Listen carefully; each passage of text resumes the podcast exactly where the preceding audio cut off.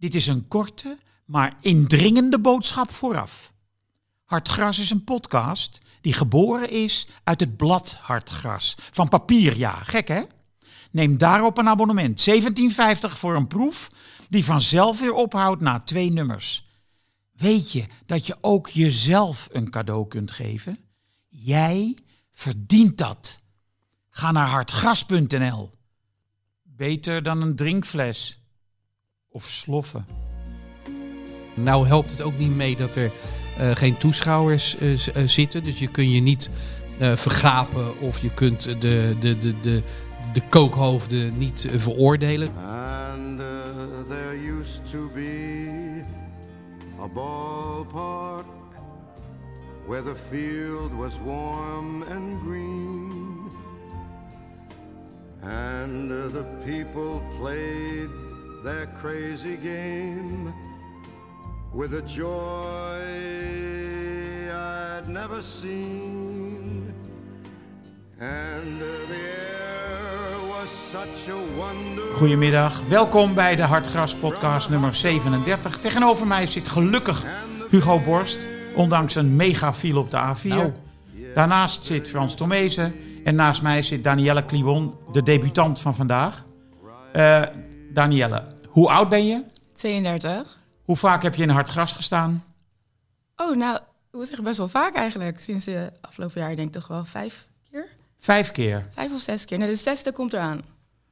En waar gaat dat over? Over voetbal op Curaçao. Ik was een paar weken geleden naar Curaçao. En daar echt hele leuke dingen meegemaakt met de voetbalcultuur daar ook. En maar de oude voetbalveldjes naast het, uh, het vliegveld, die de hele dag door verlaten zijn. Kunstgras, balletje ophouden bij de Pontjesbrug. Echt, wordt een leuk verhaal. Ja, toch hè? Toch. Ik denk niet dat je over je vorige verhaal heen komt, Benzema. Welke? Dat is het eerste verhaal. Ik heb, ik heb er twee over Benzema gedaan. De eerste, waar ik hem nou, voor eerst ik doe even op het laatste, laatste verhaal. Met het uh, EK. Ja. Dank je. Ik heb het Daar later kom je niet overheen. Ik zet je even op scherp, goed? Oeh, dit wordt spannend. En waar ging je, je laatste verhaal in de hartgras die nu in de winkel ligt, waar ging dat over? Ajax is van Suriname. Ajax is van Suriname. Vanwege? Ja, het, het verwantschap gewoon tussen Suriname en Ajax. Ik ben zelf opgegroeid uh, in Zuidoost, in Vensterpolder. Ik kom vanuit mijn slaapkamerraam, zag ik de arena zeg maar, gebouwd worden. En mijn vader is heel erg uh, voetbalgek en ook van Ajax. En dat is eigenlijk met de paplepel ingegoten. En toen ik zes of zeven was, zeven volgens mij... Toen uh, was de laatste wedstrijd in de meer. En toen hebben mijn broers me eigenlijk een beetje ontvoerd naar Leidseplein om daar uh, het feestje mee te vieren. En het was echt. Ik kan, het, ik kan niet zeg maar precies benoemen wat het was, maar alles bij elkaar heeft voor mij toen echt de liefde voor Ajax en voor voetbal gewoon erin gestand. Maar ja, je komt er niet meer vanaf. Jij bent Surinaams, Ajax is in de Belmer, jullie zijn verbonden. Het blijft zo. En je hebt het persoonlijke veralgemeniseerd. Ja. Goed. Hey, en zelf uh, gevoetbald bij een clubje? Ja, tot mijn uh, veertiende ongeveer bij, uh, in Noord bij Kadula. En toen gestopt. Ik deed met, de, met het jongensteam gewoon mee. Ik was keeper. En op een gegeven moment was het, ja, maar het is wel echt het jongensteam. Dus je mag met de meiden meedoen. En ik was jong en naïef en onbezonnen en vond mezelf te goed voor het meidenteam. Dus ben ik gestopt. Eeuwig spijt van gehad. Ja? Maar als ik nu wel eens uh, potje mee voetbal gewoon met de buurjongens of zo, dan denk ik, ja, Misschien ook maar beter dat ik ben gestopt, want ik was helemaal niet zo goed als ik dacht. Maar het Nederlands vrouwenteam kan toch wel een goede keeper gebruiken? nou, die is uh, niet op dreef het laatste jaar, nee. Nee. nee. Uh, Hugo, jij stuurde mij een appje gisterenmiddag dat je het niet... Uh... Nou ja, ik zit dan bij Langs de Lijn en dan kun je natuurlijk niet heel erg goed opletten. Dus ik probeer het te begrijpen, de wedstrijd, alles op te pakken... En ik denk, waar zit ik nou eigenlijk naar te kijken? Nou helpt het ook niet mee dat er uh, geen toeschouwers uh, zitten. Dus je kun je niet vergapen of je kunt de, de, de, de, de kookhoofden niet veroordelen, zal ik maar zeggen. Dus je wordt echt op het spel gedrukt. En toen dacht ik, waar kijk ik nou naar? Dus ik vroeg aan wat intimie, en daar ben jij er één van. Wat zie ik? Ja, en toen zei ik, het is heel intens en daarom is het heel slecht. Nou ja, ze hebben elkaar denk ik behoorlijk geneutraliseerd. Ja. En ik zei ook, Feyenoord heeft meer energie en Ajax heeft de klasse. Uh, ik denk dat het woord klasse in dit verband uh, ongepast is.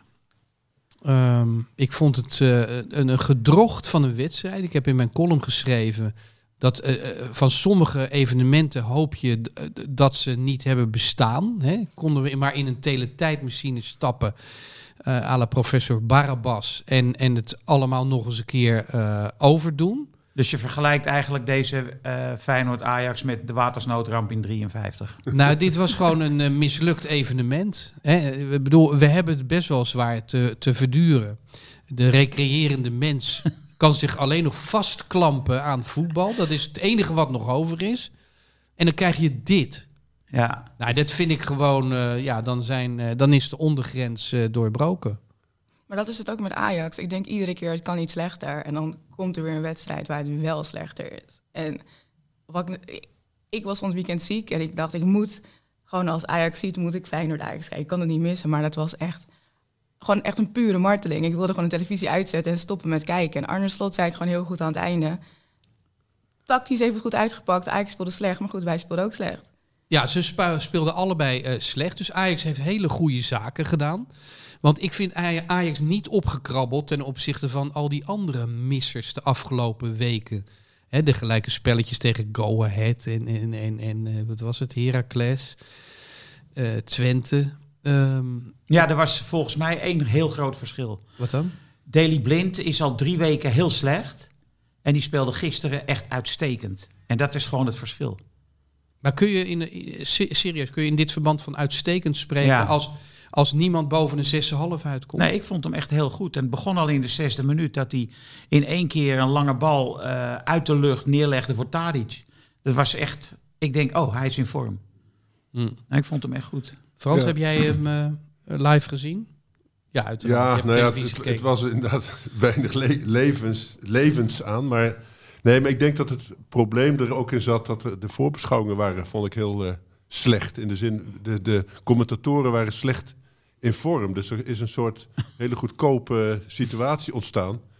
Waar die spelers uh, helemaal niet aan, aan, konden voldoen. Het, he, het, werd enorm opgeklopt. Feyenoord kon ineens zo ontzettend goed voetballen dat je het niet meer kon geloven. Terwijl iedereen die verstand heeft van voetbal weet dat sinds 1971 geloof ik hè, er weinig gepresteerd is in die, uh, die contraien. Dus het is een... Uh... Ik, ik, voel, ik voel de druk van heel Rotterdam op me liggen. Nee, nee, maar... Nee, het mooie van Feyenoord is dat ze zo, zo mooi kunnen verliezen. En dat, dat, dat zijn, ze, dat zijn ze nu aan het uh, verspelen. Dus door die, je zag ook die slot, die kon het echt totaal niet hebben. Nou, wat hij verloren had. Terwijl normaal, als je, dik als je aan dik advocaat denkt, hè, die lopen dan zo zuchtend van het veld af. Het is, het is weer zover. Nou, een heel mooi voorbeeld hiervan was Mario Been in de studio. Die kon, die kon het niet aan. Die, die, die zei van, ze waren allebei zo slecht. Nee, Ajax was wel iets beter. Ja, die Toornstra die kon het ook niet zetten. Nee. Terwijl ik denk, ja, je hebt een heel slechte wedstrijd gespeeld. Eigenlijk conform eigenlijk de verwachtingen. En ineens ga je doen alsof het heel onterecht is dat je van Ajax verliest. Nee, maar jullie moeten toch proberen je even in te leven. Uh, je komt uit Rotterdam. Het gaat al een uh, aantal decennia niet zo lekker als Ajax op bezoek komt uh, in, in de Kuip. En dan is Ajax niet goed op dreef. Ik durf zelfs het woord slecht in de mond te nemen. En dan verlies je dus van een slecht Ajax. Dat is niet te harde. Kijk, wij zijn het gewend in Rotterdam om te verliezen van een subliem Ajax. Daar wil je best wel van verliezen. Sterker nog, daar ben je aan gewend geraakt. Dat is maar eigenlijk, ja, ja, Maar verliezen van een slecht Ajax, dat is echt niet te harde gewoon. Maar zou het komen omdat ze toch denken dat ze kampioen kunnen worden? Want ik herinner me nog wel een heel goed Feyenoord met Van Persie. Die toen met 6-2 wonnen. Ja. Het, een paar jaar geleden. Mm -hmm. Toen ook Ajax uh, veel beter was enzovoort. Maar en dan kon A Feyenoord zich opladen voor één zo'n wedstrijd. Hè, wat ook die andere club, clubs in de Eredivisie doen. Die laden zich krankzinnig op voor die ene wedstrijd. Stijgen boven zichzelf uit.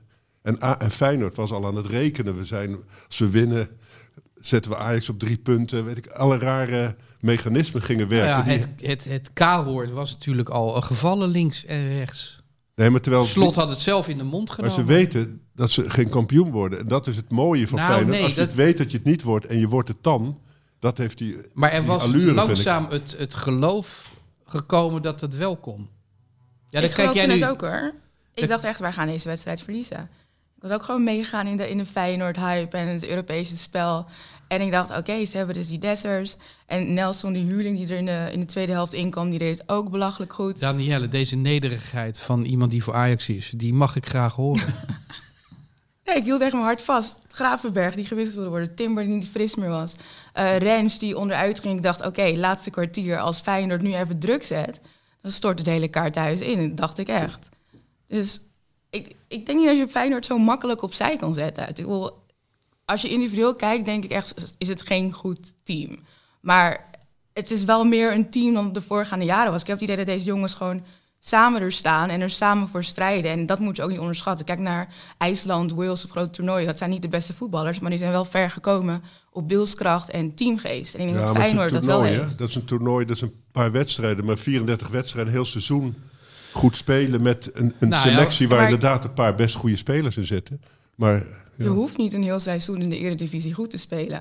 Dat, wij gaan punten laten liggen, PSV gaat nog punten laten liggen. Ajax kan het op individuele kwaliteit altijd nog eh, wel winnen. Maar is, zeg jij daarmee ook van dat slot eigenlijk op dit moment in de Eredivisie een betere prestatie boekt dan eh, Ten Hag? Nou, zover wil ik niet gaan. Maar nou ja, je, ik bedoel, hij maakt er meer een team van dan eh, Ten Hag. Want Ten Ja, Hag profiteert altijd van de, van de individuele kwaliteiten. Ik heb het ik niet vind over de Arne Slot ook echt een hele goede trainer. Ik ben het 9 van de 10 keer met zijn eh, aftermatch interviews... ben ik het 9 van de 10 keer altijd eens met wat hij zegt. Dus, Mag, mag die Ten Hag straks opvolgen van jou? Oeh, Ja, nee, Dat- denk, lastig laat, het even, laat het even bezinken. Eh, Henk? Frans? Ik had verwacht dat hij überhaupt naar Ajax zou gaan, gezien ik het ook. spel wat hij bij AZ liet zien. Dat was natuurlijk zeg maar eh, Ajax voetbal en dat doet hij inderdaad bij, eh, bij Feyenoord ook. Dus hij, eh, hij heeft wel de... Zou kunnen dus. Zeker, maar ik ben het niet trouwens eens met dat team, want ik vind juist dat Ten Hag van Ajax een echt team heeft gemaakt. Dat vind ik Vooral in Europa. Ja, vind ik heel bijzonder juist. Dat hij dat met al die eh, duur betaalde spelers die eigenlijk alleen maar hè, op een transfer zitten te wachten. Dat hij die toch eh, zo gesmeed heeft. Zo'n Anthony zie je toch mee verdedigen. Nou, ik vond, er was een massale hysterie over het gedrag van Anthony. Ik, ik, eh, dacht van, zo, die eh, gaat de hele tijd achter die bek aan. Ja. Die liep zich helemaal het schompers. Ja, Ja. dat moest ook wel na eh, vorige week. Ja, natuurlijk. Ik maar vond dat een heel leuk duel trouwens. Die Malasia is ook een gifkikker. Dus Ja. het zijn twee van die felle mannetjes. Ja, ik, echt straatvoetbal. Ik vond het heel erg leuk. Ja. Eh, overigens komt deze podcast tot stand dankzij de steun van Toto. Wat Ach- zeg je me nou, Henk? 18 plus speelbewust. 18 min en je komt er bij Toto niet in. hey, die heb jij eraan toegevoegd eh, deze ja, week. viel me zomaar in. Rijmen en dichten zonder je kont op Ja. te lichten. Hartstikke goed. Nee, dat is zo. Eh, zonder Toto waren we nergens. Ze zaten we hier niet. Nee. Eh, zonder de Toto liepen we niet weg met rinkelende zakken hier. Want je, je, ja, we worden rijk hier van deze podcast. Ja.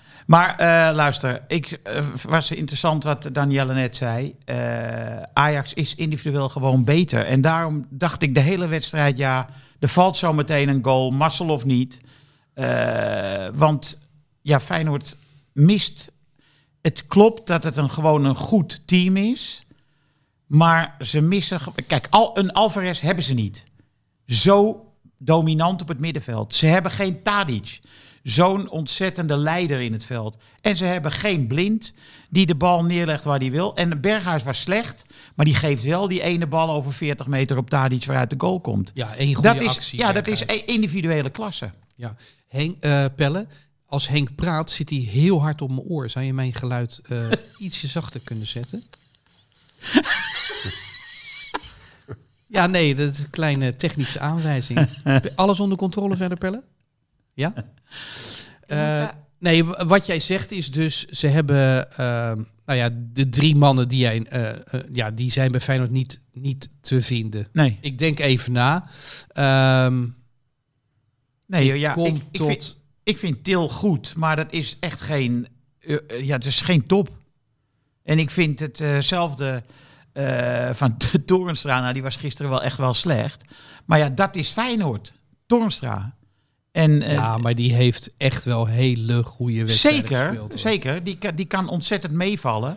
Maar ja, hij geeft gisteren de beslissende bal weg. Ja, ja. En, eh, Maar ik denk dan ook, als Berghuis één goede paas geeft in een hele nee, wedstrijd, ik twitter daarna een, half uur al van dat Klaassen erin komt. Hij heeft maar een uur gespeeld. dus. dat is waar. Nee, hij had, maar hij hij- werd natuurlijk eh, echt gewisseld omdat hij zo slecht was. ja, maar hij had er eerder uitgekund. Want Klaassen was de oplossing voor, eh, voor het middenveld bijvoorbeeld. Ja, maar ik denk dat je ook vanuit de opbouw Martinez gewoon miste.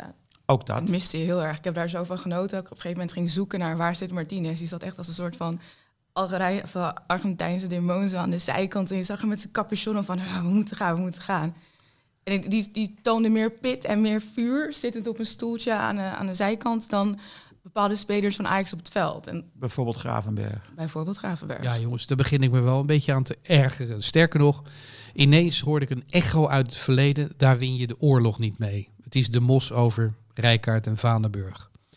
Ehm, eh, ga je met Gravenberg wel oorlogen winnen? Nou ja. Prachtige voetballer. Nee, maar prachtige voetballer. Maar ik vind het echt, echt een, een, een chronisch gemis aan temperament. Maar ik denk dat die, dat die jongen, die jongen kan niet eens bijna geen man zeggen. Die Ja. jongen is volgens mij ook gewoon uitgeput. Ik denk dat hij gewoon uitgeput is. En dan denk ik wel dat als, als technische staf, als trainer, moet je hem gewoon in bescherming tegen zichzelf nemen. En laat hem gewoon even banken. Ik bedoel, ik speel voetbalmanager en dan krijg je zo een berichtje van je technische staf. Deze speler is moe. Kies ervoor om één wedstrijd te laten banken of een hele maand. Krijgt Dat, Ten Hag niet. dat, moet, dat moet Ten Hag krijgen van zijn staf. En die moet dan zeggen, Ryan, even niet. Hij heeft meer Roger Smit eh, nodig, want daar krijg je lekker veel rust bij PSV. Nou, ik dacht ook echt, eh, eh, ja, inderdaad. Eh, Blind gaat op zijn plek spelen en eh Taliafico speelt linksback. Had helemaal niet zo gek Dacht ik gevoel. ook. Ja. Ja, dan was het kiezen tussen Berghuis en Gravenberg eruit. En eh, Berghuis was denk ik toch wel iets te veel onder de indruk. Hoewel ik hem de laatste tijd ook echt matig vind hoor, op nummer 10. Nou, ik wou net Ja. zeggen, wordt het niet eens tijd dat om, eh, om Klaassen weer eens Ja, een kans Klaas te is een geven? stuk meer een speler voor zo'n topper. Hè? Zo Zeker. lekker eh, vechten. en, Ja, Ik denk dat Berghuis het daar niet mee eens is, hoor, trouwens. Wat jij nu zegt. Nee. Nee, maar hij was meer aan het vechten in de microfoon na de wedstrijd. Hè? Om de, Ja, hij was heel erg bezig om Corpot te bashen. nou, dat is een waardige tegenstander. Maar dat Ja. vond ik heel triest eigenlijk. Dat Heel treurig was Ja. dat. Ja, maar dat was toch eigenlijk ook meer een reactie op wat Corpot dan in de, in Ja, Volkskrant Volkskrant. heeft Ja, dat was het. Dus als je Ja. die context erbij haalt, is het, dan snap je het wat beter, je gaat denk er niet ik. op alles reageren wat er in de Volkskrant staat. Dat is ook waar. Nee, en bovendien, je, je moet af en toe wat negeren. Je krijgt natuurlijk heel veel malloten over je Ja. heen als eh, voetballer. Eh, er zijn heel veel mensen met een mening over... Zeg jij nu dat Corpot een maloot is? Nee, helemaal niet. Oh? Nee, nee Cor, Corpot vind ik een leuke man. Ja, Alleen, eh, ik, ik weet alleen niet... voor de of- broodnodige anekdote, toch? Ja, nee, de- je bestaat niet zonder Corpot. Want Corpot is loslippig. Corpot voedt ons columnisten, journalisten met achtergronden. En Corpot heeft volgens mij geduid, ik heb het interview in de Volkskrant niet gelezen met Corpot, maar die duidt altijd heel erg goed eh, wat er is gebeurd vorig jaar. En het is gewoon zo dat Berghuis eh, een moody motherfucker is. Dus als hij op de club kwam, dan waren ze toch eventjes aan het kijken van hoe staat de pet van eh, Steven Berghuis De, mes, de Messi van Feyenoord. Ja, dat. Ja. En dus hij beïnvloedde met zijn sfeer wel. Je hebt van die mensen die komen binnen en die zetten meteen de sfeer. Nou, dat was eh, Berghuis. En dat mag toch wel gezegd worden? Ja, tuurlijk. Maar ik denk ook dat hij het afgelopen jaar ook gewoon zoveel over zich heen heeft gehad. Hij zich vrij weinig over allerlei randzaken rond het voetbal heeft uitgesproken. En dat op een gegeven moment, dan ben je gewoon gefrustreerd, is de maat vol. En dat voor Berghuis was het nu denk ik van, oké, ik moet er nu gewoon iets van zeggen. Nee, ik vond het Maar echt het heel is veel zielig. eer voor Corpot, hoor. Nee, maar ik vond het ook heel zielig om te wachten tot Feyenoord Ajax... om dan nog een trap Ja, oké, die dat, kant op te geven. Ja, dat vond ik geen, geen- gewoon geen stijl hebben.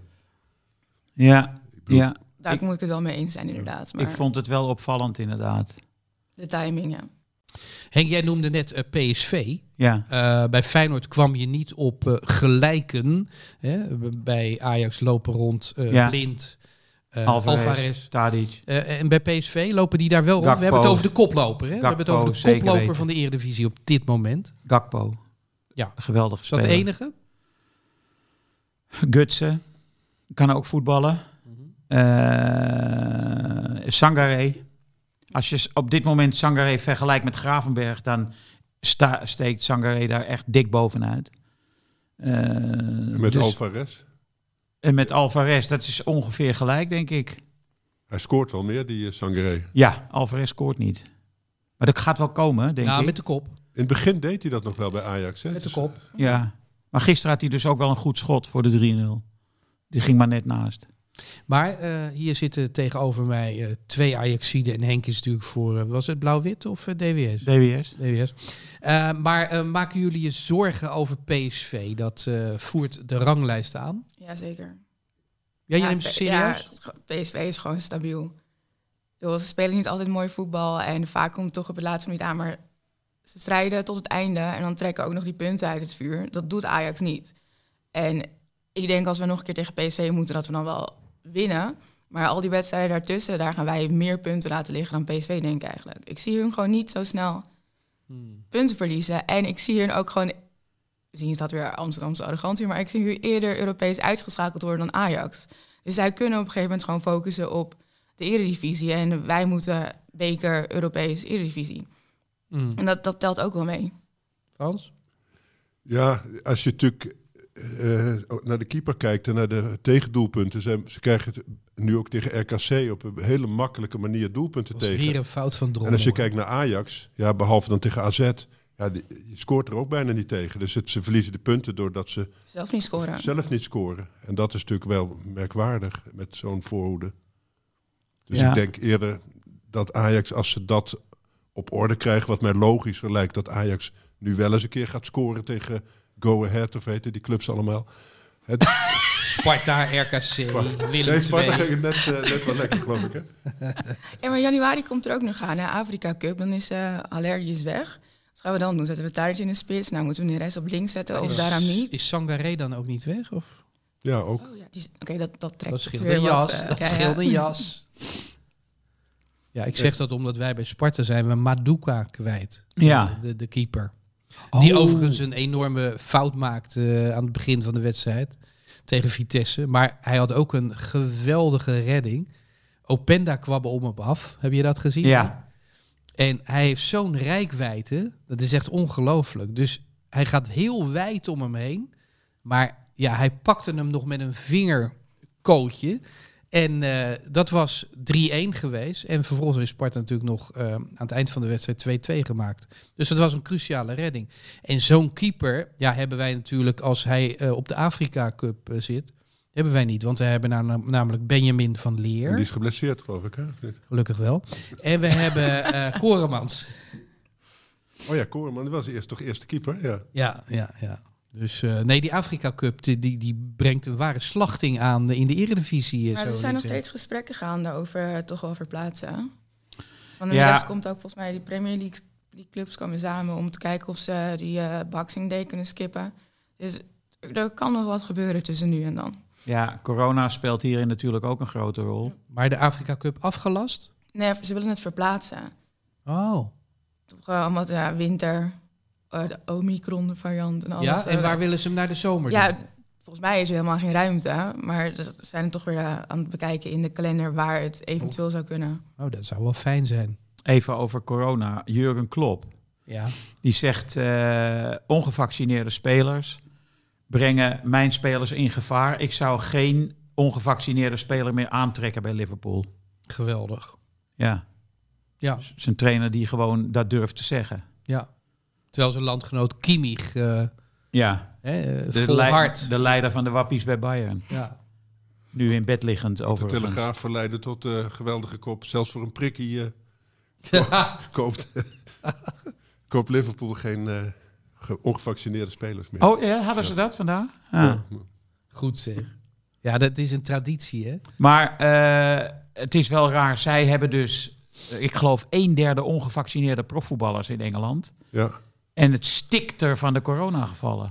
Nou, maar ik denk dat in Nederland ook eh, wel een kwart van de voetballers niet is gevaccineerd, hoor. Als ik het zo eh, hoor. Dat is een schatting. Ja. Gisteren zei wie, wie- iemand van Herenveen of iemand van Cambuur die zei eh, Wappie tegen Van Ewijk. Een speler van Oh ja? ja, een speler van Herenveen. Maar, misschien is dat zijn bijnaam, Wappie. Hè, Wamberto Wammy. Maar het, het werd volgens mij wel bijna knokken. Dus het zit ze dan wel hoog, de Wappies. Om Wappie genoemd te worden. ja, bij- volgens mij Ja, lopen... maar daarom ben je wappie. Om, om lekker veel eh, tegenstand op te roepen. En eh, Ja, je iemand te voelen en een mening te hebben. En iemand te zijn met principes. En, Oh ja. en af en toe protesteren. ja. Ergens. Steven Gerrard was het met Klopp eens. Maar eh, het, het Van zal- Gaal lijkt wel iemand die dat kan gaan roepen voor ik het denk WK. het ook. Dat denk ik ook. Die denkt daar eens goed over na deze dagen. En die, eh, die is, eh, is daar wel voor te porren hoor, denk ik. Maar ja, het is wel, het duurt nog een jaar. En, En we eh, hebben wel weer, zijn we twee varianten verder. Hè? Minimaal, ja. Ja, zolang wij eh, geen vaccins eh, over de hele wereld uitreiken, blijft die natuurlijk muteren. Ik zat eh, te kijken naar eh, Barcelona tegen Elsje. Het was een hele leuke wedstrijd. 2-0 voor, toen 2-2. En toen 3-2. Door, eh, maar de, de eerste goal was zo geweldig. Oh, van de Gavi. Van die Gavi. Godskaleren, wat een doelpunt. Dat die wegdraait zo Ja. hè, in één keer. Ja. Passeert een paar mannen, schiet hem in de hoek. Ik heb het niet gezien, maar ik, ik las dat eh, onze vriend Frenkie een 2 kreeg eh, in sommige Ja. Spaanse kranten. Heb jij het gezien? Ik heb het ook niet gezien, maar volgens Henk speel je helemaal niet zo slecht. Nee, er was vanmorgen een stuk in de Volkskrant, Sam Planting. En die had, eh, zoals bij hem te doen gebruikelijk, wat cijfertjes eh, opgedoken. Waaruit eh, dus blijkt dat de Jong op zijn positie, spelend vlak voor de verdediging van Barcelona, heel eh, qua cijfermatig in ieder geval goed is. Heel, en dat hij, even kijken, wat stond er? Ja, in de mm, dribbles naar voren leidde hij van alle middenvelders in Europa leidde hij het veld. Vanwege zoveel geslaagde dribbles vooruit. Maar ges- geslaagde dribbles vooruit, dat is toch een vage statistiek. Ja. Wat mensen willen is goals, Ja, assists en desnoods voorassist. Eh op al die drie fronten is hij gewoon nee, niet beestachtig goed. Eh, Nee. eh, ja, nee. dat is een beetje zijn probleem. Het is, het is een prachtige voetballer. ja, maar toen hij doorbrak bij Ajax en bij het Nederlands elftal, toen tegen Frankrijk, was hij toch ook zo'n speler die vooral gewoon veel ballen onderschepte. Een linie kon overslaan, de bal naar de aanvallers kon brengen. Ook niet een- iemand die eh, Nee. assist gaf en dribbles in de, in de 16 maakte. Dus dat is een heel raar fenomeen Maar geworden je zou bij eigenlijk kunnen zeggen dat hij eh, een voetballer is eh, die in, in de huidige tijd niet zo eh, belangrijk wordt geacht, omdat die statistiek ontbreekt. Terwijl het er allemaal wel prachtig uitziet. Eh, we genieten ervan. Nee, maar je hebt toch meer van die spelers. Kanté is toch ook wereldberoemd omdat hij eh, dat soort dingen doet en niet omdat hij zijn goals eh Nou ja, eh, Modric en eh Kroos bijvoorbeeld, die hebben die statistiek ook niet hoor. Qua assists en, ehm, en doelpunten. Niet eh, op Maar je hoort het vaak. ja, hè? maar die Je hebben zei natuurlijk wel een ook- schitterend lange afstandsschot of weet ik wat. Die, die jagen hem wel eens in de kruising natuurlijk. En je zegt van Alvarez, hè, zeiden we het net ook. Ja, scoort net te weinig.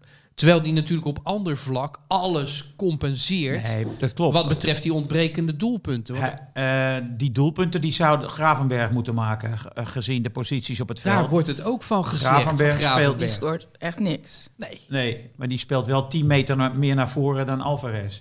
En Gravenberg die doet niet al dat corrigerende werk achterin. Dus aan hem zou de taak moeten toevallen om eh, meer assists en meer doelpunten te maken. Maar ik weet niet, als je het over Frenkie de Jong hebt, ik, kom, ik probeer even de naam van die Italiaanse middenvelder voor te halen, maar het was tegen Duitsland, Italië-Duitsland. Er was een corner genomen, hij nam de bal aan, legde hem toen voor, toen werd er gescoord. Eh, 19, nee, 2002 volgens mij. Italiaanse middenvelder, heel veel van gewoon, Ja, Ja. kan er even niet op. Gewoon, dat is volgens mij net zoals met Frenkie. Het het ziet er niet super mooi uit, er zijn geen assists, hij scoort niet veel, maar hij heeft wel altijd die paas naar voren. En dat is ook gewoon een van de allerbeste middenvelders. Ik denk dat Frenkie in die categorie valt. En je moet ook niet van hem gaan verwachten dat hij meer doet dan het spel splijten en vooruit helpen. Hij is Ja, maar niet... we leven in een tijdperk van cijfers. De statistieken zijn behoorlijk belangrijk geworden. En als je hem dan alleen kunt vangen in dribbles, dan is dat denk ik te Nee, weinig. en geslaagde passes, hè? S- Maar Zit hij ook hoog? eh, de heilige Busquets, hoe vaak scoort die bijvoorbeeld? Nooit. Nee, daar, hoor je nooit eh Nee. klachten over. Nee. En die loopt ook veel minder dan Frenkie, want die staat eigenlijk gewoon een beetje de balletjes te verdedigen en, en verdelen en een beetje af en toe hè, eh, blokt hij wel iemand. Maar als je kijkt wat Frenkie op het veld doet, die is van links tot rechts. eh, Loopt die eh Frenkie niet in de weg eigenlijk, Busquets? Nee, vind ik niet. Want eh, je, zag, je ziet aan het spel van Spanje, het nationale team. Ja. Eh, kijk, onder Koeman had Busquets er echt niet zoveel zin in. Dus eh, hij zakte weg. Eh, tegelijkertijd speelde hij bij Spanje echt hele goede Ja, wedstrijden. Dat je denkt van, godverdomme, die, die gozer kan goed voetballen. En eh, de Jong speelt toch op een andere positie hoor. Dus eh, dat denk ik niet. Ik, moest, ik wou nog even terugkomen op Blind. Maestro. Nee, Oh. Blind. Die bal die hij gaf op Rens. Dat was zo'n meesterwerk. Dus eh, hij verovert de bal of krijgt de bal, weet ik veel. Op een moeilijke positie achterin. Werd aangevallen door twee Feyenoorders. Loopt, er- loopt langs die ene, passeert hij echt. En met, zijn uiterste, met een uiterste draai speelt hij hem met links perfect op Rens. Die daardoor helemaal vrij was om Anthony aan te spelen. Dat was gewoon een beslissende voorassist. En eh, dat wou ik nog even zeggen, omdat... Ja, toch, we hebben het over een mislukte wedstrijd. Een wedstrijd die uitgegumd had moeten worden. Sorry. Ik vind het, het doet er gewoon niet toe. Ik denk dat je die statistiek ook in de maas moet pleuren. en eh, we vergeten het gewoon. Ze waren allebei ondermaats en Ajax was de meest eh, gelukkige en hebben natuurlijk net even een paar spelers die ietsje beter zijn dan die van Feyenoord. Maar voor de rest was het eh armoedroef. Ja, ik, eh, ik kan er niet meer van maken. Ik vind dat jij ook niet genoegen moet nemen met, met ja, Nee, ze zijn uitgeput, dat is duidelijk. Kijk, de Champions League vergt iets meer energie dan de Conference League, denk ik. Met Ja. alle respect. met alle respect. Dat Ja, maar ook een mentale zeker energie, denk ik. Hè? Want ik zag, Tadic is fysiek nog wel Ja, heel goed. Maar je- mentaal was hij ook zwak met aannames of veel ballen. Zag, soms zag je hem zijn gedachten verliezen. Dan had hij de bal aan de voet. En dan dacht, volgens mij zat hij aan iets anders te denken. En dan eh, pikte ze gewoon de bal van hem af. Terwijl nou, normaal is Tadic één brok... eh, nee, hij had wel balverlies, klopt. wat hij nooit heeft eigenlijk Ja. in, eh, als hij op zijn taart iets achter speelt. Hè? Want, dus ik denk dat het meer mentaal is dan fysiek. Want ik vond ze, ja, fysiek misschien bij Martinez. Hè? Die had natuurlijk een Maar hoe gaan we dat dan oplossen als eh, Ajax gewoon doodmoe is? Eh, Ik bedoel, we hebben nog een half jaar te gaan volgens mij. Nou, ze hebben vakantie nu Ze toch? mogen nu onder de kerstboom. eh, Bijna. Nog één wedstrijd, ja. Timber was slecht, hè? Ja, hallo, wacht even. Speciale mededeling, wat nog één keer. Je hebt het over God, hè? Nee, die rechtsbackplaats is toch eigenlijk niks voor hem, hoor. Ik vond het zwak dat hij Rens toch niet opstelde vanaf het begin. En Nee. die was niet goed hoor, vorige week. Maar dat hij eigenlijk ging schuiven in het elftal. Nou ja, dat klopt. Want dan speel je op twee plekken met andere spelers. En het gevolg was dat Timber deze wedstrijd even slecht begon als Rens vorige week. Ja. maar Schuurs was weer heel goed, vond ik. Ja, die viel niet op. Ja. En dat is bij Schuurs meestal Ja. een goed teken. Hij is ook man of the match geworden, toch? Ja, dat is natuurlijk Dat weer zegt wel veel van, Ja. over de wedstrijd ook. Hè? Heb jij naar Maestro gekeken? Alleen de eerste aflevering. Ja. Wat en vond je toen was, dat? ik was er toen van overtuigd dat Henk Kruid zou vliegen. Maar er waren dus twee nog slecht. Ik bedoel niet dat je slecht was natuurlijk. Nog slechter. Heerlijk, ga door, ga door. Oh nee, er waren twee die eh, minder goed dan jij waren. Dus toen mocht je nog een week. Maar ja, nee. Ik heb deze week niet gekeken. Maar Bram Krik Nee, maar is het eruit. kijk, het kijkcijfer is, eh, is helemaal in elkaar gestoken. Ja, kijkcijfer is gezakt. Ja, Sinds Henk eruit is. Ik kijk Ja. ook niet meer hoor. Dus Nee, ik ook ik niet. doe er niks meer aan. Ik kijk wel, ik vind het erg leuk. Heb je, heb je afkikverschijnselen gehad? Als je er dan uit ligt, hoor je er niet meer bij. Hè? bij want ja, dat was best een leuk clubje, kandidaten toch? Ja, nee, ik had contact met de deelnemers. Ja, sommigen. Ja, Maar heb je dan afkikverschijnselen? nee.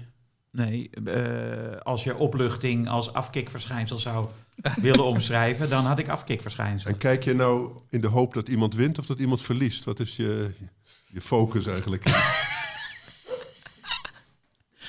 Ik heb wel favorieten. Wie? Nee, dat kan ik natuurlijk niet zeggen. Nou, maakt niet. Je zegt niet dat ze winnen. Je Nee, want als ik een favoriet noem, ja. dan noem ik andere mensen niet. Maar krijg je dan een boete? Nee, maar dan laat ik mijn voorkeur blijken. En dat is echt niet, niet leuk voor die andere mensen. Ach, kom die met z'n allen hier naar die podcast zitten te Je luisteren. bent toch onafhankelijk, man? Ik ben heel erg... eh, maar goed, Bram ligt er nu uit. Ik was heel erg gesteld op Bram. ja, En, eh en Plien. Plien van Bianca. Ja. Heb je toch gezegd? ja, Bianca zat in de zaal gisteren. Als eh, publiek. Er stond ook onder Bianca van Plien en Bianca. Ja, Toen mocht het nog, hè? Zou nu niet meer mogen. Eh, Heel lang geleden opgenomen. Eh, ja, ik heb eigenlijk helemaal geen idee hoe dat... Want die finale is dan op 16 januari, die is live. Nee, dat mag niet. Oh, Dus- nou wacht eens. Eh 14 Ja, januari 14, is... ja, Ja, maar dat gaat, net. ja, dat gaat natuurlijk niet goed komen. Dit gaat 100% verlengd worden. Ik heb er Ja. geen twijfels over. Ja, dus dan hebben ze een probleem. Nou, een collega van mij, die is twee maanden, drie maanden geleden, die ging eerder weg van werk. En die zei, ja, ik ga naar de opnames van Maestro. En dan was ik, Maestro is weer begonnen. Ja, met Henk Spaan. En dan was ik, what? En dat was Oh, ook dat al was- een tijd klopt. geleden. Ja, eh 3 november of zo begon het. Ja. Of nee, nog Nee, eerder. eerder, eerder. want we ja. waren net weer op kantoor aan het werken. En dat Ja. is volgens mij echt maar een maandje geweest. Ja, oktober was het. Ja tijd gaat zo hard.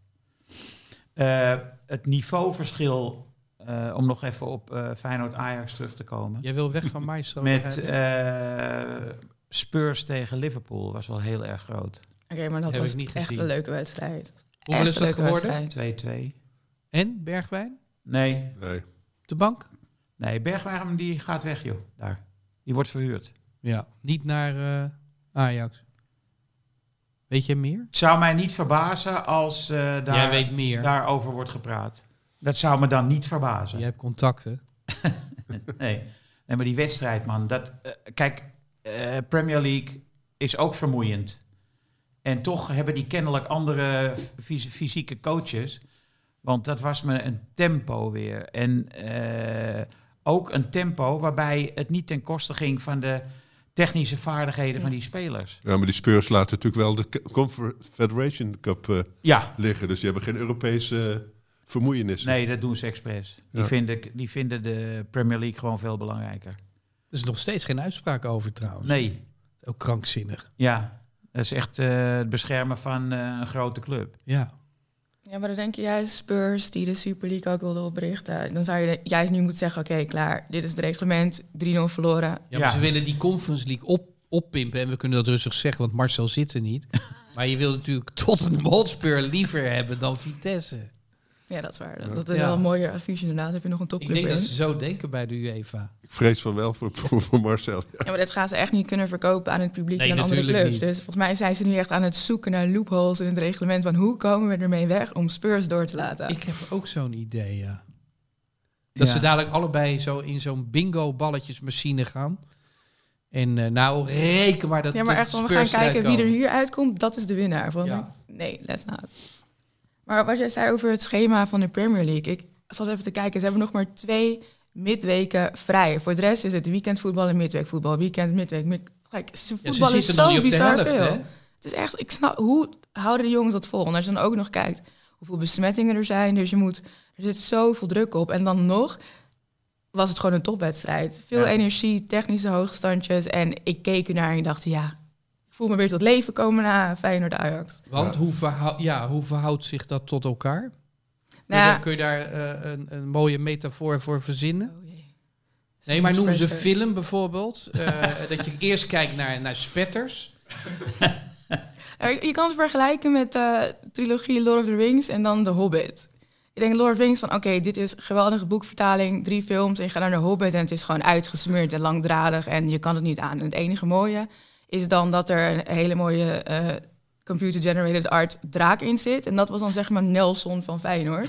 en voor de rest stelde het Dus echt niks voor voor. Dus stelletje Feyenoord Hobbit. Ajax was de Hobbit. Ja, dat was The Hobbit. dat had niet gehoeven. En laten we het gewoon vergeten wat je zegt. Ja, precies.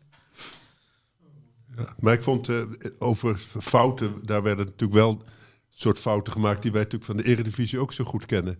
Zoals die Alisson eh, eruit kwam bij die 2-2. Dat was een ver- ver- vergissing. Ja, dat was een blunder. Beetje drommelachtig eh, niveau vond ik dat ineens. Trommelachtige materie. Drommel die elke week in de fout gaat. Ook Ja, bij ik- RKC ging die weer onder een schitterende bal overigens. Een, eh, een, een, een paas van achteruit. Ging hij door en ja, de bal werd keurig afgewerkt door eh, Odegaard. Ik En vind echt- kon ook voor open goal twee keer eh, toch naast weten te krijgen. Vond ik ook... eh, Ik denk dat Mvogo best wel eens eh, erin kan gaan staan hoor, in eh, januari. Dat hij eens even goed eh, bij de kerstboom gaat zitten denken, die Schmid. Ja, ik, vind, ik heb te doen met Drommel, want... eh, Arme drommel? ja, arme... hey, is die nieuw? Nee. is gewoon gejat. Van? Ik heb geen idee. Nou ja, het, eh, hij wordt altijd afgezeken. En ik denk altijd maar terug aan dat Europees kampioenschap onder 17. Met eh Frenkie de Jong en Abdelhak Nouri en Drommel op doel. En dat die gewoon een geweldig toernooi keepte. En dat ze Europees kampioen werden. En hij heeft echt wel veel talent. Maar ja, kennelijk is hij mentaal eh, niet op het niveau van zijn, zeg maar, technische keeperskwaliteiten. Want hij is goed, maar toch zakt hij steeds door het ijs. Hij heeft iets wat sommige keepers hebben. Ze willen zich manifesteren. Het, je staat de hele tijd maar te niksen tussen Ja. die palen. En je denkt, hé, hey, daar komt een situatie waar ik een rol in kan spelen. En de goede keeper, zou maar zeggen, de ijskonijnen, de Van de Stars en zo... die weten van, ik moet gewoon rustig eh, blijven staan. Maar die, die zou maar zeggen, performance eh, kids... die willen dan ineens eh, een, een show ten beste Ja, je moet je niet gaan uitsloven. Kijk, is- Onana kan zich uitsloven. Ik dacht gelijk aan Onana. Ja, hè? Nee, maar dat, die op. maakt daar, maakte daar ook veel fouten mee. Die heeft dat overwonnen. Helemaal En- begin en, met soms, jonge en soms doet hij het, deed hij het nog steeds. Hij heeft nog steeds, hou je hart vast. Nu had je Pasveer, die eh, nou, bij, bij Feyenoord, tegen Feyenoord ook ineens zo'n... eh, Twee keer, hè? Ja. Niet te geloven. dat komt gewoon. Gaat hij denkt, voetballen? Hij denkt dat hij, dat hij ik dacht het echt, kan. wat doe je? Stop, dit kan je niet. Ga Nee, maar, het, maar het komt omdat hij denkt dat hij het kan. Dat hij belangrijk is geworden voor Ajax. En dat wil hij dan laten zien. We hebben het over een doelman die pas vier keer is gepasseerd in de Eredivisie. Nee, maar in het begin vond hij, was hij al blij dat hij een bal kon tegenhouden. En nu, en nu denkt hij, ik moet eh, schitteren. Ja. Dat is, eh, dat is een. eh, ik ben zelf keeper geweest, dus ik, ik herken het. Laat me zeggen. hè, Ja, we de- zitten hier met eh 50% keepers. Danielle ook keeper je geweest. wilt ook wel eens eh, hè, de Wij schijnwerper. willen ook shinen, inderdaad. En niet alleen die bal uit het net vissen. Dus dan eh krijg Maar je hij zei, hij zei eh, wanneer, eh, was het Volkskrant of zo, of een andere krant, weet niet meer, eh, dat hij was voetballer eerst eh, in Ja, de jeugd. klopt. Ja. Ja. En eh, opgeleid door zijn vader, ook als voetballer. En dat hij daarom dus zo goed kan meevoetballen bij, eh, bij Ajax als keeper. Maar ja, dat moet hij Eh, gewoon... weet je, hij bij, ik weet toevallig, hij doen. komt van, uit Zandvoort. Dat is, eh, hem- ja, hij heeft bij Zandvoort gevoetbald. Dus dat moet je niet overdrijven, vind ik. Dat je dan, Wat is er mis met Zandvoort dan? nee, niks. Piet Keur is daar eh, heel lang de grote man geweest. Nee, dus het, het is wel wat. Maar en mijn eigen haringverkoper, die, eh, die heeft ook altijd bij Zandvoort in de spits gestaan. Dus ik wil Ja. er niks eh, negatiefs over zeggen. Maar dat meevoetballen is... het- Je bent natuurlijk keeper geworden omdat je niet goed genoeg was om mee te voetballen. Dus dat moet Nee, je maar altijd... in Nederland is het wel belangrijk. In Engeland doet het er niet toe. Nee. Nee, maar dat verhaal dat die keepers zo goed kunnen voetballen... Dat, dat is eigenlijk heel triest eigenlijk. Als ze dat eh, daarover beginnen, dan weet je... Het, je bent toch een mislukte voetballer als keeper. Ja. Mens, Menzo was echt wel een voetballer. Menzo, die eh, partijtjes van Nederlands elftal, daar stond hij niet op doelen en hij voetbalde niet mee. Nee, Van der Sar ook. Trouwens, die scoorde ook nog wel, omdat hij zo lang was. Hè? Van de Sar? Ja, Kon hij voetballen? Ja. Nou, zeker kon hij mee voetballen.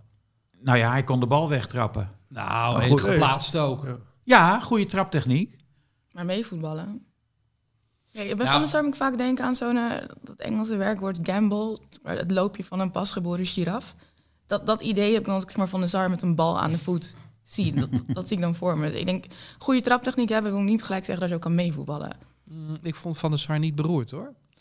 En ook in een, in een tijdvak dat het nog niet zo ontwikkeld was. Ik bedoel, we hadden inderdaad Menso, die heeft het min of meer uitgevonden. Ja, onder eh, impulsen van Cruijff. Kruif, zeker. Ja. Die, wou, die wou hem zelfs vliegende keep maken. Ja. Eh, van der Sar, ja, ik, ik, ik was daar wel over eh, te spreken. Die heeft daar wel eh, meer invulling aan gegeven. En daarna heeft het een vlucht genomen. En nu, nu wordt het overdreven. Ja. Maar daar komen mensen ook wel naar het stadion voor. Die sensatie, een keeper die net even de bal op de borst aanneemt... en dan een, eh, een aanvaller verder uit eh, Even uitkapt. tikt, uitkapt inderdaad. Dat hoort er ook wel bij, de showmanship. Maar er is wel een verschil tussen weten waar je grens ligt. En ik ga Ja. er niet overheen. Pasveer kent die grens nog niet. Nee, maar het heeft ook, je vecht ook namelijk tegen de verveling. Hè? Dat, ik denk dat bijvoorbeeld bij Onana dat een rol speelt. Die Ja. wil de adrenaline Ja. weer voelen. Dus die zoekt zo'n situatie op om weer geactiveerd te zijn. Hoe deed jij dat, Danielle? Ik, ik, moet, ik ben Maar- dus echt geen meevoetballende keeper geweest. maar en ik had als ook je nou echt slechte te- uittrappen. Dus Nee, ik maar ging als, zeg je, maar als je niks te doen had, hoe, hoe, hoe ga je het gevecht aan met de verveling? mezelf entertainen in mijn doel. Hoe? Weet je, squats doen, weet je, tussen de palen heen en weer rennen. Weet je, wat Onana deed tegen Barendrecht? dat, dat, dat was mijn ding. En dan als er een bal kwam, was er een kat achter de reflex. En dan was het ah, verdediger, ik schop hem naar jou toe en jij trapt de bal naar voren. Doeltrappen waren ook niet mijn ding. Dus ik snap het op zich ook wel. Je wil bezig blijven. Maar je, jouw bezigheid moet niet ten koste gaan van het team. En dat zie je nog wel af en toe gebeuren. Dat je je hart vasthoudt en denkt, oh my god, was dit nodig? Hou het zeg maar effectief en zorg dat het wat bijdraagt. En voor de rest, ren dan even rondjes in je doel als de bal aan de andere kant is. Als je het koud hebt of je verveelt. Maar focus op je core business. Maar misschien ben ik dan daar wel heel ouderwets in. Like toen ik keepte, ging het echt vooral om ballen pakken. Ja. Pak je bal en dan de rest doet de rest van het team wel. Dus. Even onze core business. Eh, het is eh, woensdag of dinsdag of donderdag, Heerenveen Feyenoord. In ieder geval laten we het eh, omschrijven als midweeks. Heerenveen Feyenoord. En eh, we mogen de uitslag raden eh, voor de Toto en een doelpuntenmaker. Nou, Danielle, jij mag beginnen. Heerenveen Feyenoord. Eh 2 2-0 voor Feyenoord. 1-2 of eh 0-2. 0-2. En wie maakt er een? Nelson Nelson maakt er van buiten de 16. Oké, Hugo. Nou, Heerenveen, dat is het elftal waar ik me het meest aan erger. Vervelend elftal. Slap. Joey Veerman kan natuurlijk geweldig voetballen, maar laat toch nog te weinig zien. Ik hoop wel dat hij niet naar AZ gaat, maar of Niet die... naar Feyenoord. Ja, Feyenoord heeft geen geld. Gek genoeg heeft AZ meer geld op de bank dan Feyenoord. Eh, en, en AZ kan ook wel wat creativiteit op het middenveld gebruiken hoor. Een man met een, eh, met een paas. Maar of ze doen, weet ik niet. Eh, maar eh, Feyenoord wint, maar dat wordt moeizaam. Moet ook wel, hè? Na één Groningen en Twente, uitschakeld voor de beker. In Ajax, tijd voor een overwinning. Eh 0-1. Doelpunt wie doet er niet mee? Sinistera doet niet mee. Trouwen doet niet mee. Dan laten we hem maken door Dessers. Dessers. Ja. Jij Frans. Ik denk ook dat Dessers eh, de winnende maakt. 0-1. De winnende, en dat dit wil zeggen 0-1? Ja. Oké. Ik denk eh 1-1. Eh Kukshoe scoort voor Feyenoord. Ja. Afstandsschot. Die was goed wel. Nog, nou ja, je kunt niet van die spelen. Maar die viel nog mee, Kukju. Danielle, vertel eens. Jij, je eerste stuk ging eh, over Benzema in Hartgras. Hoe kwam jij op dat trainingsveld terecht? Het was onder 19? Ja. En hoe Eh, kwam je daar terecht? Mijn vader die, eh, ging vaak voor zaken naar het zuiden van Frankrijk. En dat was weer een van de weinige dingen. Voetbal was een van de weinige dingen waar ik gewoon lekker kon connecten met mijn vader. Dus het was echt van, oké, ik wil mee een keer. Ik heb mezelf gewoon uitgenodigd. Ik was 14 of 15 en ik ga mee naar Frankrijk. En er was helemaal niks te doen. Want hij had gewoon, ja, hij had gewoon zaken te regelen. Maar er was dus een klein voetbaltoernooi. En die dacht, oké, weet je, ik eh, neem mijn dochter mee en ik dump haar daar. En dan is ze gewoon een, week, een middagje bezig. Dus ik zat daar langs het veld met zo'n eh, oude grijzende Franse opa. Het was echt geweldig. En vervolgens was daar opeens Kenny Benzema. En ik wist op dat moment dus absoluut niet dat het Benzema was. Hij was een beetje, een beetje chubby, een beetje dikker. Oh? Ja, Benzema was vroeger best wel een... Oh? nou, hij is nog steeds best wel groot. En hij heeft ook heel veel problemen gehad met zijn gewicht. Ook in de tijd dat Mourinho eh, trainer was bij eh, Real Madrid. Maar ja, hij viel gewoon op door wat hij deed. Hij speelde als spits, maar dat was me dus in het begin niet opgevallen. En hij was heel veel op het middenveld te vinden. Liet zich heel veel terugzakken. En op een gegeven moment maakte hij zo'n actie... dat hij de bal op het middenveld, eh, volgens mij veroverde. Niet eens kreeg aangespeeld, maar hij veroverde hem zelf. En toen maakte hij echt één zieke rush gewoon richting de 16. Hij kapte er een verdediger uit. En vervolgens met een lopje alsof het niks was, ging die bal dus richting het doel. En hij was like, oh my god, ja. En er, stond nog een verdediger op de doellijn, dus het was geen doelpunt. Maar ik dacht echt, wat, wie is deze Wat gast? wat gebeurt er? Ik had die man naast me vast van, ah. En we stonden echt als twee, ja, gekkies, twee wappies. Stonden we aan de zijkant van het veld. En het was echt ik heb alleen maar naar Benzema gekeken de rest van de wedstrijd. Omdat iedere keer als hij de bal had, was het, er gebeurde gewoon iets. Dan draaide hij weg. Of hij had weer een, een splijtende paas. Hij deed gewoon iedere keer iets. En er was zo'n, het ging zoveel, ja, zoveel presence kwam, was van hem op dat veld. En ik dacht, oké, cool. Ik zat dus avonds eh, aan de eettafel en ik vertelde vol trots over die wedstrijd. En ja, nee, ik ben verliefd, jee. en mijn vader vertelde dus dat dat eh Karim Benzema was. En vanaf toen ben ik eh, een beetje gaan... Ja, ik ben hem toen een beetje uit het oog verloren. Maar uiteindelijk kwam je dus eh, bij Olympique Lyon in het eerste debuut in. En dacht ik, ah, dit is dezelfde gast. Zag er ook nog hetzelfde uit, alleen iets minder. Chubby. Chubby, inderdaad. En toen ben ik eh, maar Olympique Lyon en Benzema gaan volgen. En de rest is geschiedenis. Ik tekende gewoon hartjes in mijn, in mijn toetsblaadje. Zo'n uh, Kay die. Ik bedoel, ik heet Daniela Daniel. En mijn vrienden noemen me Danzema, Benzema, Daniela. Like, het, was, uh, het was een obsessie, laten we daarop houden. Hoe lang heeft die geduurd? Of duurt hij nog? Het, het is wat het getemperd, maar... maar... wees, wees, blij, anders had je elke dag naar een ponystal gegaan om een paard te... Ik heb ook een paardrijden gezeten. Oh, Oké, jammer. nee, maar Benzema echt voor mij is hij nummer één spits. De meest ondergewaardeerde spits ever. En compleet. Gewoon echt een complete spits die, die scoort, die ruimte maakt.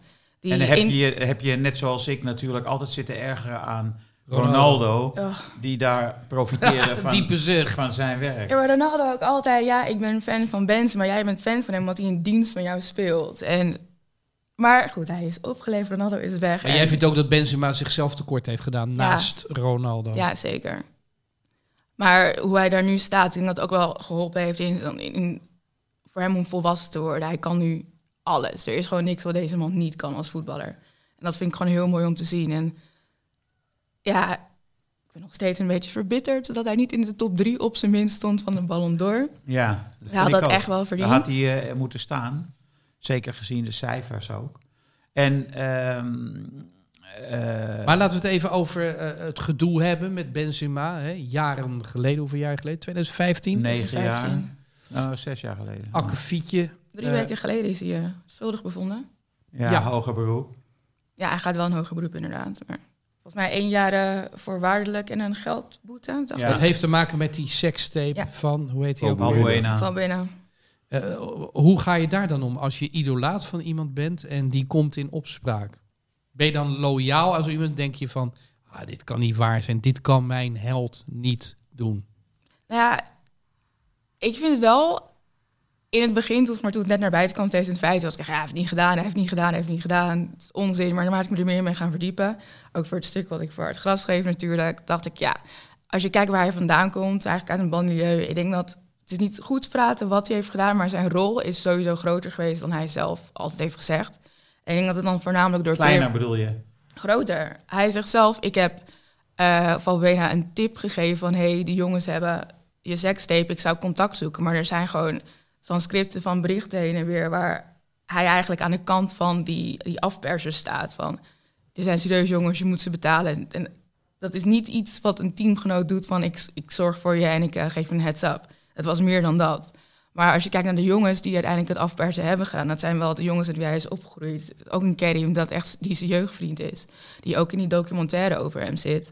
En ik denk dat als ik ook naar Benzema kijk, dat is allemaal speculatie, want ik ken hem natuurlijk niet, maar ik denk dat het wel een gozer is die, die mensen tevreden wil houden. Als ik ook zie in zijn spel dat hij altijd in dienst van anderen speelt, dan probeer ik dat te vertalen naar zijn persoonlijkheid. Dan zie ik dat ook wel voor me dat hij mensen tot op het extreme toe tevreden Dat hij niet zijn matties van vroeger gaat maar, verraden. Juist. En dat daar het uit is gekomen. En ik hoop dat hij er gewoon een les van heeft geleerd. En het niet meer doet. Ik volg hem natuurlijk ook op social media.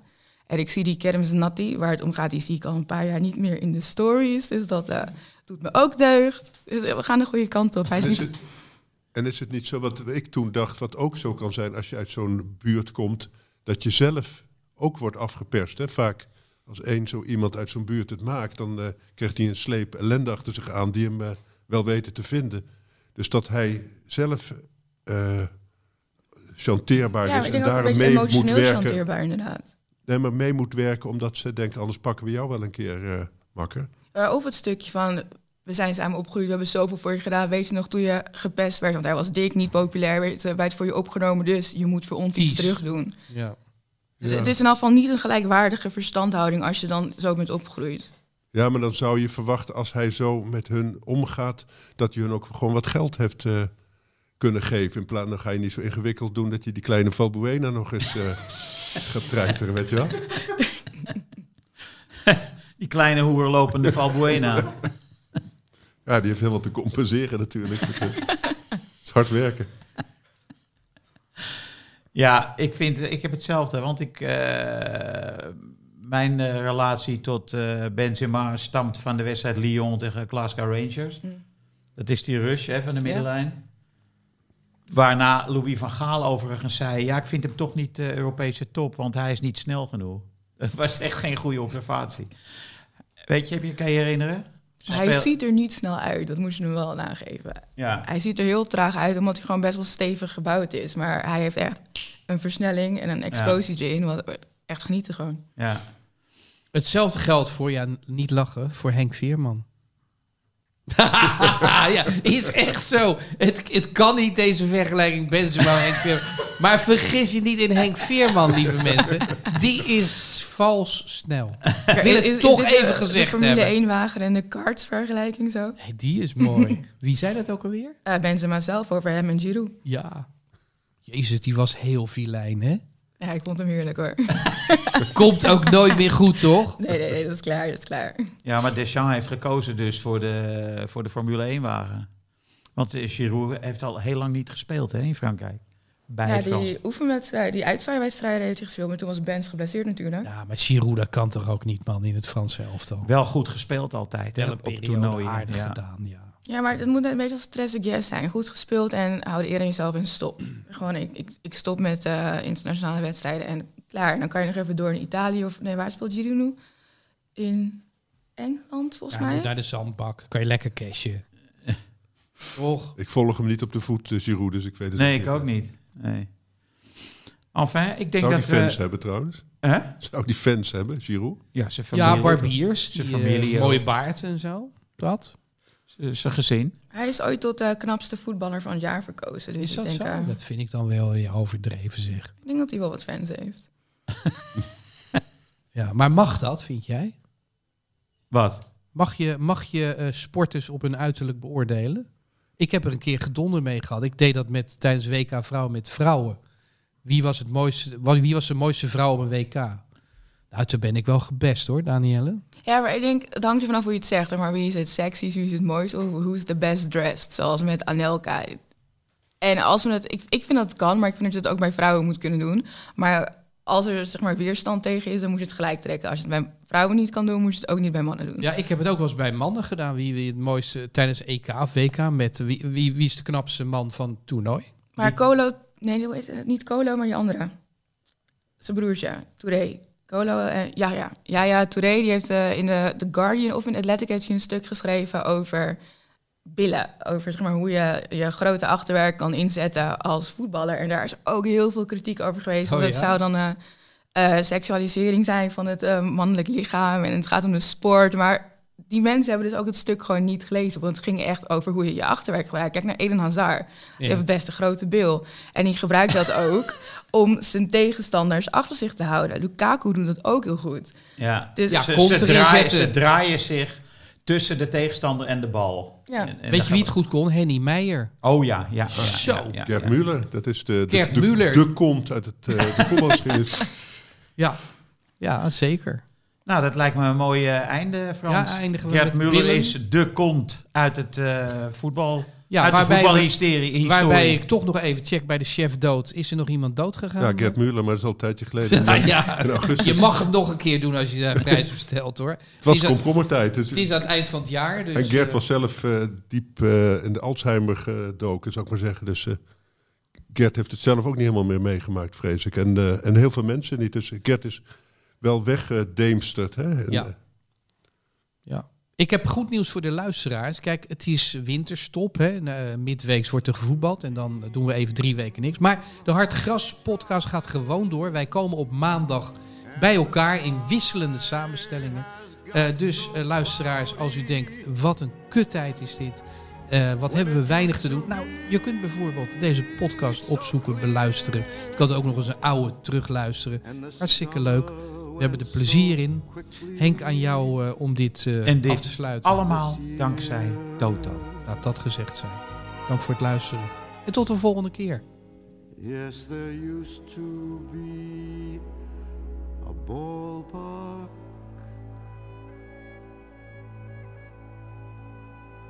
Right here